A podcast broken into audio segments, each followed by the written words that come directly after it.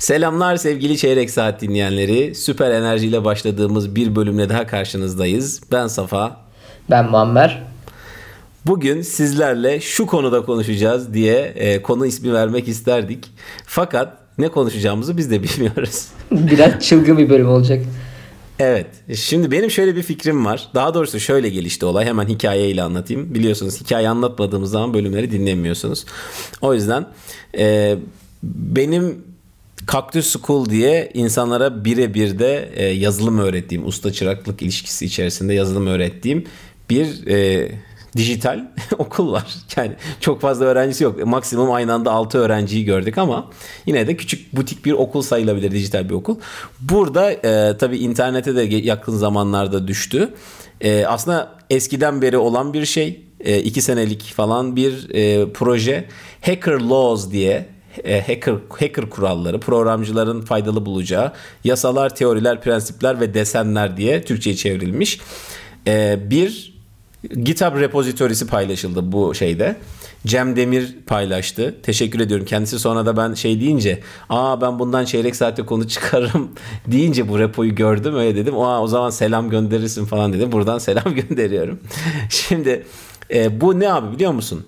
Hani e, şeyi falan hiç duymuş muydun? Murphy yasası mesela. Tabii. Ha, bunun gibi böyle hava ismi havalı olan e, genelde bir özel isim bir yasası, özel isim kuralı gibi gibi olan böyle birçok yasanın bir araya gelmiş hali. Ben Safa e, teoremi falan. E, gibi teoremler, prensipler falanlar filanlar. Ya bunların bir kısmı çok fazla yazılımla ilgili. Mesela bakıyorum şimdi hani Liskov Substitution Principle mesela solid prensiplerin bir şeyidir. Tamamen e, yazılımla ilgili bir konu ama bazıları da her tarafı ilgilendirebilecek, her alanı ilgilendirebilecek. Mesela Pareto prensibi 80-20 kuralı bölüm Hı-hı. çekmiştik bu var. E, ondan sonra mesela ismi sadece benim de bilmediğim sadece isimlerini okuduğum mesela iki pizza kuralı. Ondan sonra olgunlaşmamış optimizasyon etkisi. Yani bunu biraz biliyorum. Ee, yine duymuşsundur Occam'ın usturası. Mesela Occam's Razor diye geçiyor. Bir fenomeni anlatan iki farklı şey varsa, açıklama varsa basit olanını alır, alırız falan gibi. Böyle Yok bunu bilmiyordum. Ha, bu da çok böyle benim duyduğum bir şey. Neyse buralardan daha jenerik olanlardan ben diyorum ki okuyayım isimlerini. Sen tamam. ismi hoşuna git, git, gideni, e, merak uyandırdığını söyle.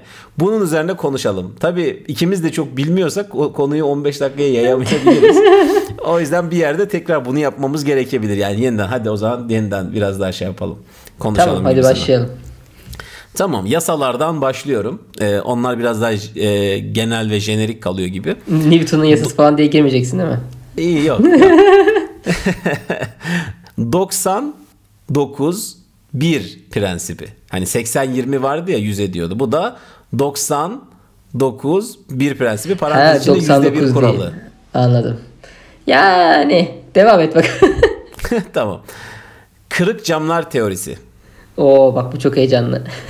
Oo hadi bakalım. Bunun yok dur demiyorsun hala. Tamam. Tamam devam et bakalım. Ben de kendi içinden sevdiklerimi e, şey, seçiyorum tamam. aslında. tamam çok uzatmayayım o zaman. da Dunning-Kruger etkisi. Çok Ondan zor. Sonra... Söylemesi çok zor. tamam. Bölümü mahvetmeyelim. Moore yasası, Murphy yasası, Occam'ın usturası, Parkinson yasası, olgunlaşmamış... Occam'ın usturasını yapalım ya. Bak onu merak ettim ben öğrenmiş olurum. Ya onu aslında birazcık konuştuk. Ben de aşağıda şeyi merak ettim. İki pizza kuralı diye bir şey var. Ay, o da güzel. O da pizza deyince bak ce- cezbetti. İşte demek ki pizza değilsin, herkesi mutlu edemezsin. Gerçekten bir olay var. Pizza gerçekten bir cazibeye sahip. O ha, zaman önce. Occam'ın iki tamam önce iki pizza kuralı anlaştık. Aynen. Tıkladım. Kural şu. Eğer bir ekibi iki pizza ile doyuramıyorsanız o ekip büyük bir ekiptir. Bu sözü kim söylemiş sence? Safa. Değil. Kim Je- Jeff Bezos söylemiş abi. Cidden. Bu söz ona aitmiş. Yani bu kuralı ortaya koyan e, insan o. Eğer bir ekibi iki pizza ile doyuramıyorsanız o ekip büyük bir ekiptir. Ve iki açıklaması büyük boy var. diye anlıyorum ben buradan tabii. E, ben de öyle anladım. bir açıklama var. Bu kural şirketin büyüklüğünden bağımsız olarak ekiplerin iki pizza ile beslenebilecek kadar küçük olması gerektiğini önermektedir. Jeff Bezos ve Amazon'a atfedilen bu kural büyük ekiplerin doğası gereği verimsiz olduğunu öne sürüyor. Bu takım boyutu doğrusal olarak büyüdükçe insanlar arasındaki bağlantıların katlanarak artmasıyla desteklenmektedir.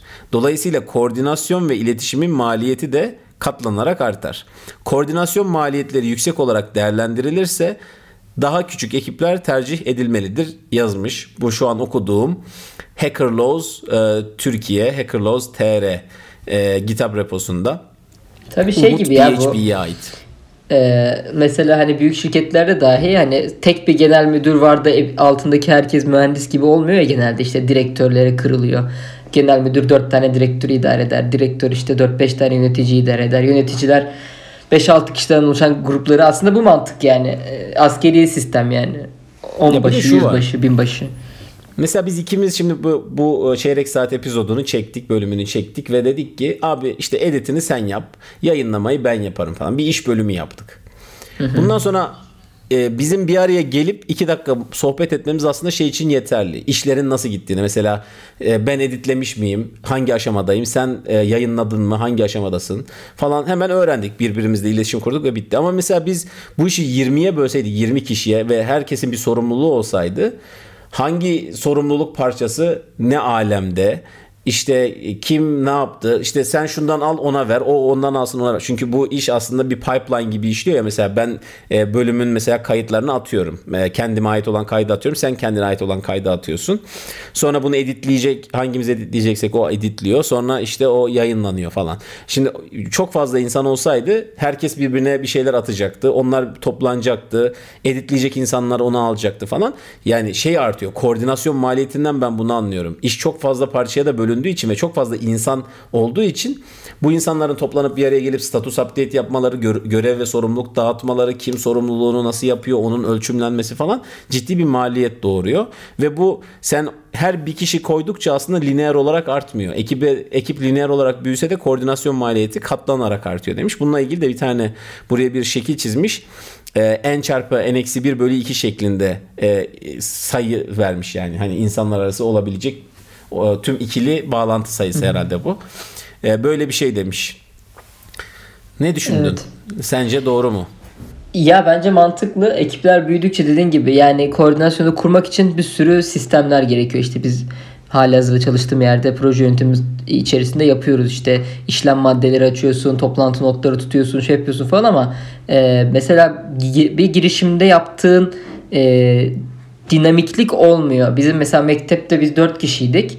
E, oradaki toplantılarımızın verimi, dinamikliği, herkes işte kendi üstüne aldığı görevler falan 20 kişilik bir projede mesela öyle o kadar güzel işlemiyor dediğin gibi. E, bunu da çözmek için tabi beyaz yaka dünyası pek çok şey yapmış. İşte PM book'lar çıkmış, project management book'lar falan. İnsanlar bunları takip edip yapıyor. Ama gün sonunda dediğin gibi ufak gruplara bölmek hep mantıklı geliyor bana. İki pizza yani iki pizzada doyacak bir boyut makul. Hatta aklıma şey geliyor mesela iki pizzadan tamamen bağımsız başka bir yere gideceğim ama bizim çalıştığımız sektörde mesela şey konusu vardı. Pek çok sektörde de vardır. İşte bir e, üçgen yapısı vardır. Tamam bir piramit hayal et. En tepede büyük büyük şirketler vardır. Bunlar işte platform üreticileridir. Ürün ortaya çıkarırlar son kullanıcının kullanacağı. Ve çok büyük sayıda insan çalıştırırlar. Çok ciddi ciroları vardır. Ama en ufak vidaya kadar kendileri yapmazlar. Onlar büyük parçaları bir araya getirirler. Onların hemen altında işte mesela burada 10 kişi var hayal edelim. Onun altında işte 20-30 e, kişi diyebileceğimiz alt yükleniciler vardır. Onun altında daha alt yükleniciler falan. Bir piramit olarak mesela bizim sektör gider. Aşağı indikçe şey sayıları küçülüyor. Şirketlerin boyutları küçülüyor. Ciroları küçülüyor. Ama şirket sayısı artıyor.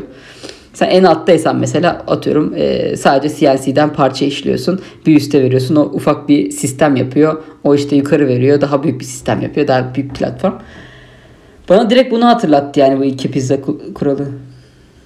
İlginç. Yani tabii hiyerarşiye bir göndermesi var iki vize kuralında. Şunu demek istiyor. Yani mesela bin kişilik bir e, şeyiniz, şirketiniz bile olsa bunu öyle parçalara bölmelisiniz ki e, öyle alt ekipler çalışmalı ki öyle bir hiyerarşi sistemi kurmalısınız ki yönetilebilsin aslında. Yani birçok şirketin hala böyle çok iç içe nested hiyerarşi dediğimiz işte o nested iç içelik e, kat, çok katmanlı hiyerarşi uygulamasının sebebi bu aslında. E, çünkü yönetilmiyor. Gerçi mesela e, ilk sezonda konuk ettiğimiz e, Kadir Köymen muhtemelen bu şeyi duysa kızardı. O bu tarz şeyleri hiyerarşik yapıları sevmiyor ya biliyorsun farklı farklı karbon DNA falan gibi değişik şeyler çıkarmıştı. Ee, alternatifleri vardır muhtemelen. Bilmiyorum. Tabii ki ya. Bu sadece Jeff Bezos'un söylediği bir söz yani sonuçta bu bir bilimsel bir kaide değil sonuçta tamamen e, Adam sadece objektif. zengin. Adam Başka bir tane seçelim ismi güzel olanlardan. Tamam. Ee, sızdıran soyutlamalar yasası. Önemsizlik yasası, Unix felsefesi, Spotify kuralı. Spotify kuralı neymiş ya? Spotify kuralı çok eğlenceli bir şey değil. Şey, Spotify kuralı değil. Spotify modeli. Bu squat modeli aslında. Ben bunu biliyorum. Ee, squat modeli squat mıydı ismi? Tam da ismini demek ki bilmiyormuş. Okuyorum. Spotify modeli Spotify e, uygulamasından Spotify'daki uygulamasından dolayı popüler olmuş ekip ve organizasyon yapıları için yeni bir yaklaşımdır. Model basitçe ekiplerin teknolojilere göre değil özellikler etrafında organize edilmesidir.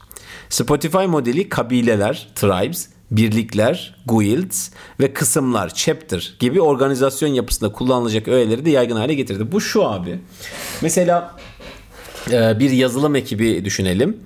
E, yazılım ekibinde e, özellik bazlı takımlar kuruluyor. Mesela işte ne bileyim keşfet e, ya da işte kişiye özel playlist oluşturma görevini üstlenen bir takım var gibi düşünebilirsin. Yani onun etrafında sürekli düşünen ve geliştirme yapan bir takım var. Çünkü bunun normalde geleneksel olanı platform bazında e, ayrılması veya teknoloji bazında ayrılması. Mesela JavaScriptçiler hadi siz bir takım olun falan. Backendçiler siz bir takım olun gibi değil. Bir takım var. Bunun backendçisi var, frontendçisi var, designer'ı var, project manager'ı var, varolu var. Bunlar paketleniyor ve sizin göreviniz şu işi yapmak deniyor. Böyle üçerli, dörderli, beşerli küçük küçük şeyler ve onların e, yine hani alt e, şeyleri, üst üst takımları vesaire oluyor. Bu e, böyle bir şey var yani. Ben bunu squat diye biliyordum bu arada. Yani squatlara ayrılıyor gibi. Onu söylememiş. Bilmiyorum. Belki de ben yanlış hatırlıyorum ya da karış. Yo. Şimdi verdikleri linke tıkladım. Squat diyor gerçekten. Bu arada mesela bizim e, bizim şeyde de kıyas yapıyorum yine çalıştığım yerle. Bizde de şey vardı işte hani mekanik tasarımcılar bir ekiptir işte elektronikçiler bir ekiptir, e, yazılımcılar bir ekiptir, sistem mühendisleri bir ekiptir falan. Normalde herkes kendi ekibiyle çalışır. İşte sistem bunları bir yere getirir, projeci yönetir falan gibi bir kurgu varken bazı projelerde böyle kritik projelerde IPT dedikleri bir şey var. Integrated Product Team. Ee, böyle bir ürüne mesela her takımdan bir kişi atanıyor ve o adam başka hiçbir işle uğraşmıyor. Yani direkt ona e, dedike oluyor. E, bazı bazı projelerde bizde mesela öyle yapıyorlar. IPT kuruyorlar e, IPD lideri oluyor. Yani proje yöneticisi mesela normalde 3-4 farklı projeye bakabilirken veya duruma göre 7-8 farklı projeye bakabilirken IPT olduğunda sadece o projeyle ilgileniyor falan gibi kurgular da oluyor.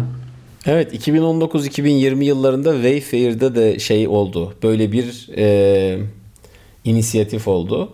Aslında kendi hiyerarşisi içinde zaten takımlar vardı. Ama şey fark ettiler takımlar arası koordinasyon problemi olmaya başladı bu sefer. Yani e, sen hani şimdi yönetmek için bu iki pizza kuralı gereği yönetmek için bu küçük parçalara bölüyorsun takımları. Ama bu sefer takım sayısı o kadar fazla ki bazen bir takımın yaptığını diğer takım bozabiliyor. Ya da bir takımın çabaladığı şeyi, amacı başka bir takımın yaptığı iş baltalayabiliyor.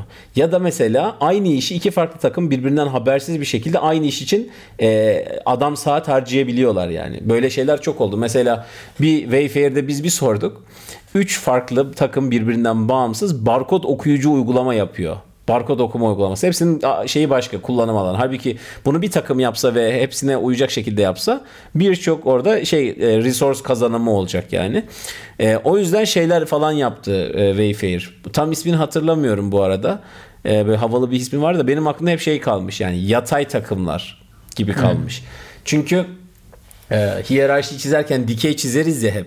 Hani yukarıdan aşağı doğru dallana dallana gelen takımlar vardır. Bu yatay takımlar. E, dikey takım devam ediyor. Ama sen takımlardan insanları böyle şey yapıyorsun, seçiyorsun. Sen sen sen siz yatayda da bir takımsınız. Sen sen sen yatayda da bir takımsınız diyorsun. Ve böylelikle asıl e, organizasyonel yapıyı değiştirmeden insanlara yeni sorumluluklar yükleyerek sanki onlar da ayrıca bir takımın parçasıymış gibi yeni bir boyut katıyorsun organizasyon şemana. Ve böylelikle o insanlar yatayda proje bazlı e, başka inisiyatifler peşinde koşabiliyor. Mesela takımlar arası şöyle bir şeyler yapalım falan gibi e, projelerde çalışılabiliyor. Çünkü şöyle bir e, paradoks var.